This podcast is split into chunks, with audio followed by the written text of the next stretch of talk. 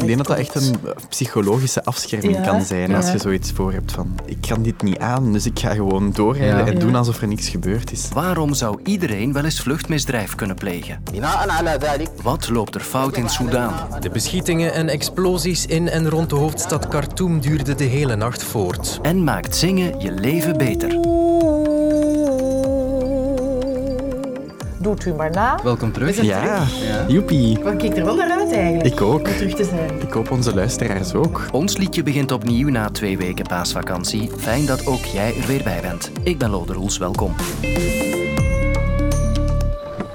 Je zit in de auto achter het stuur. Het is donker, je bent moe en plots een klap. Je hebt iets geraakt en je weet meteen, dit is niet goed. Wat zou jij doen? Ik wil graag geloven dat ik meteen zou stoppen, maar dat is niet altijd hoe het echt gaat blijkbaar. Vorig jaar zag Verkeersinstituut FIAS het hoogste aantal ongevallen met vluchtmisdrijf in 10 jaar tijd. Er gebeurden 4708 van die ongevallen. Eh, Dat is bijna 1 op de 8 letselongevallen. Ja, in die ongevallen zijn er 32 doden gevallen en eh, meer dan 5200 eh, mensen gewond geraakt. Gelukkig worden wel steeds meer zaken opgelost met vluchtmisdrijf. 85% van de daders wordt gepakt, 15% blijft op de loop. En ik wil ook eens in hun hoofd kruipen. Wat bezielt iemand om toch door te rijden? Van de slag gewoon. En toen heb ik mensen onderschreven. En toen ben ik in paniek. In paniek ben ik verder doorgereden toen. Dit is Erik. Een aantal jaar geleden reed hij een groep twintigers aan die van de kerstmarkt in Hasselt kwamen. Gelukkig overleefden ze de klap. Maar de politierechter was niet mild voor Erik. Maar meneer, je hoort de slag, je hoort schreeuwen.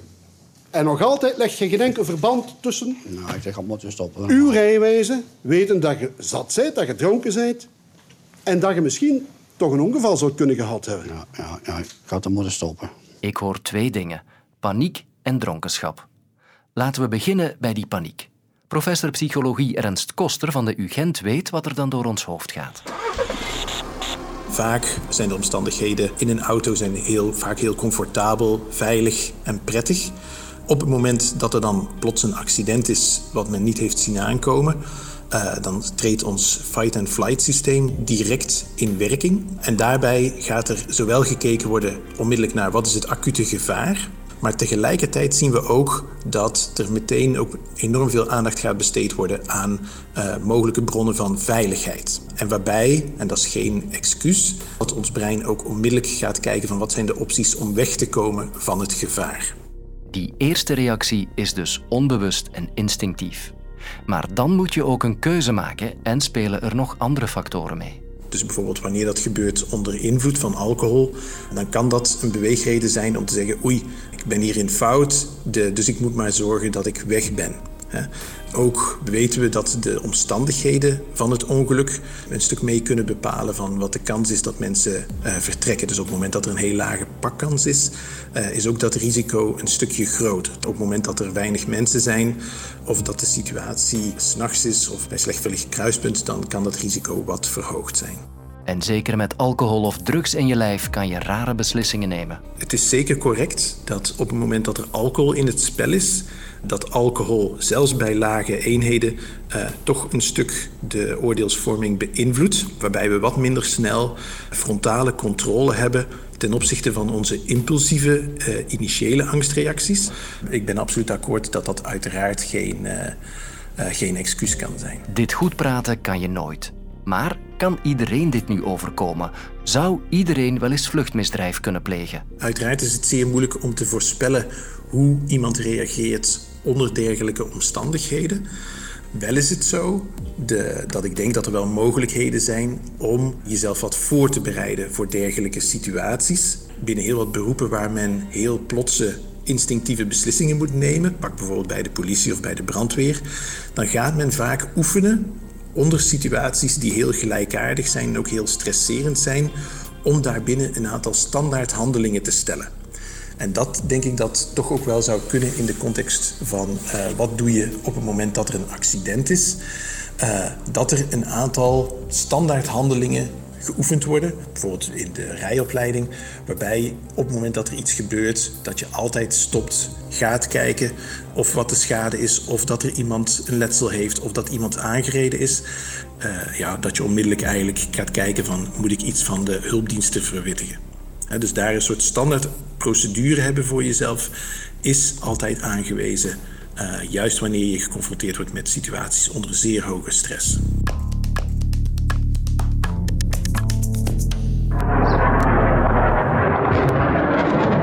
Dit zijn geluiden uit Khartoum, de hoofdstad van Sudan, van afgelopen weekend. Een machtsstrijd tussen de twee legers van het Afrikaanse land kostte al aan bijna 100 burgers het leven.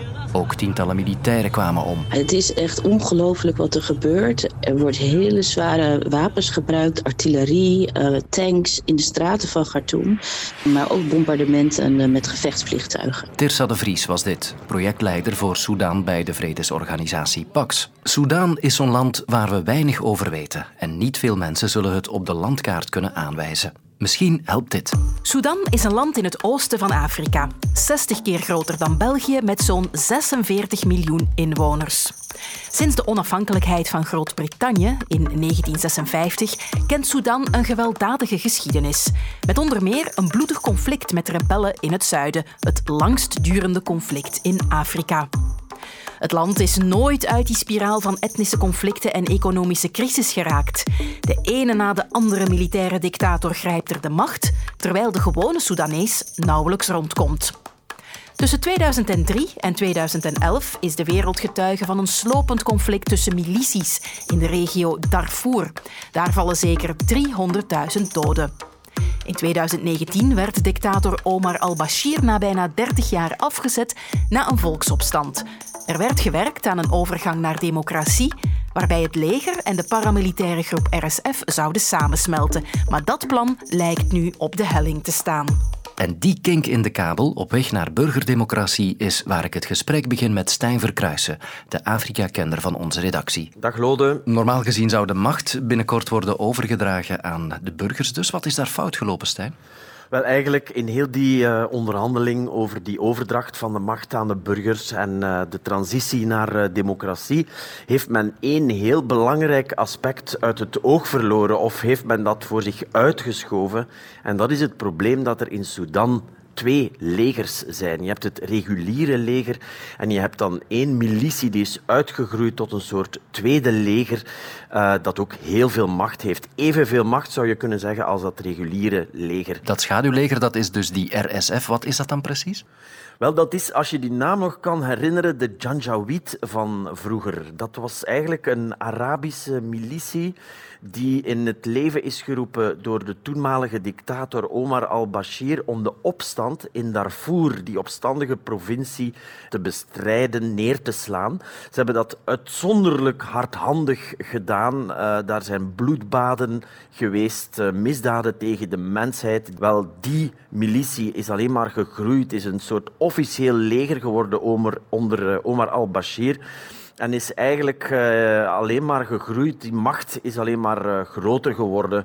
En dus een groot probleem. Als een van de enige landen ter wereld heeft Sudan nu eigenlijk twee legers die allebei uit tienduizenden manschappen bestaan met heel belangrijk militair materieel. En dat zie je nu in de straten van Khartoum. Twee legers met aan het hoofd twee sterke leiders die dus nu eigenlijk op ramkoers liggen. Ja, die twee generaals die konden samenleven zolang ze uh, de macht bleven uitoefenen boven de burgers burgers.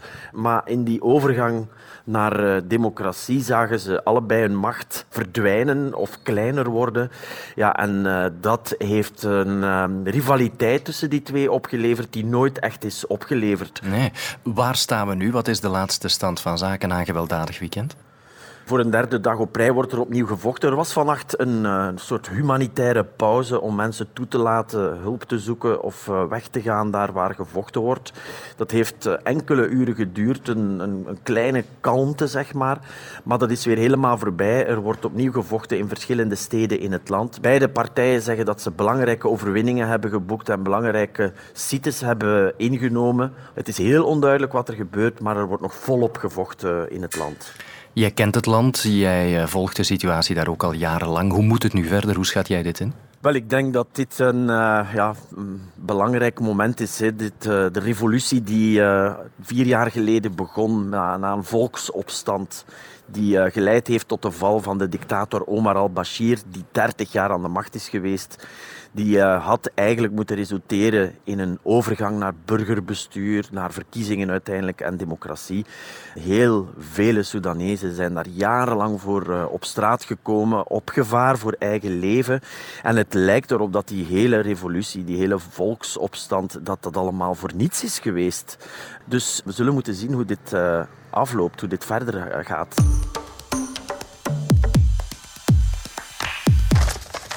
Ja. Oké, okay, zullen we een, een, een strofe, een refrein en nog een klein stroofje We doen het helemaal. Helemaal? Tuurlijk. Okay. een strofe, een refrein en een oude piano. Meer is er blijkbaar niet nodig om mensen aan het zingen te krijgen. In mijn hoofd is alles heel eenvoudig. In het nieuwe programma Zingen is Goud, dat vanavond start op Canvas, praat Ben van Looy met zijn gasten over hun lievelingsliedje. En hij brengt hen zo ver dat ze dat lied ook echt zingen. Die gasten, voor alle duidelijkheid, het zijn geen zangers, zingen wel eens onder de douche of in de auto, maar dus nooit voor een publiek. Zoals acteur Stefan de Gant. Waar zitten we daar? In mijn hoofd. In mijn hoofd. Maar ook ex-atleet Kim Gevaert passeert aan de piano van Bent.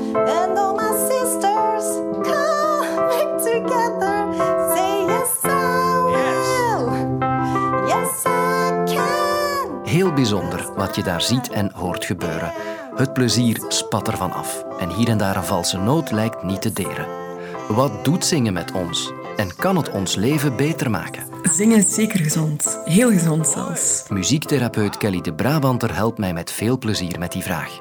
Je hebt niet alleen je stem nodig of je keel, maar je hebt ook echt je, je buikspieren nodig. Je ademhaling is erbij betrokken, dus je, je longen worden mee ingezet. Het maakt uh, allerlei hormonen aan, endorfines, oxytocines, waardoor je je gelukkiger voelt.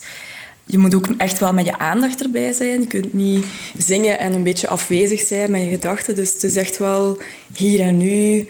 Het werkt op je emoties. Dus ja, het werkt op heel veel dingen. Maar toch, toen ik hier bij de collega's vroeg wie er een stukje wilde zingen voor de podcast, merkte ik vooral veel schroom. Nee, nee, nee, nee. Niet solo.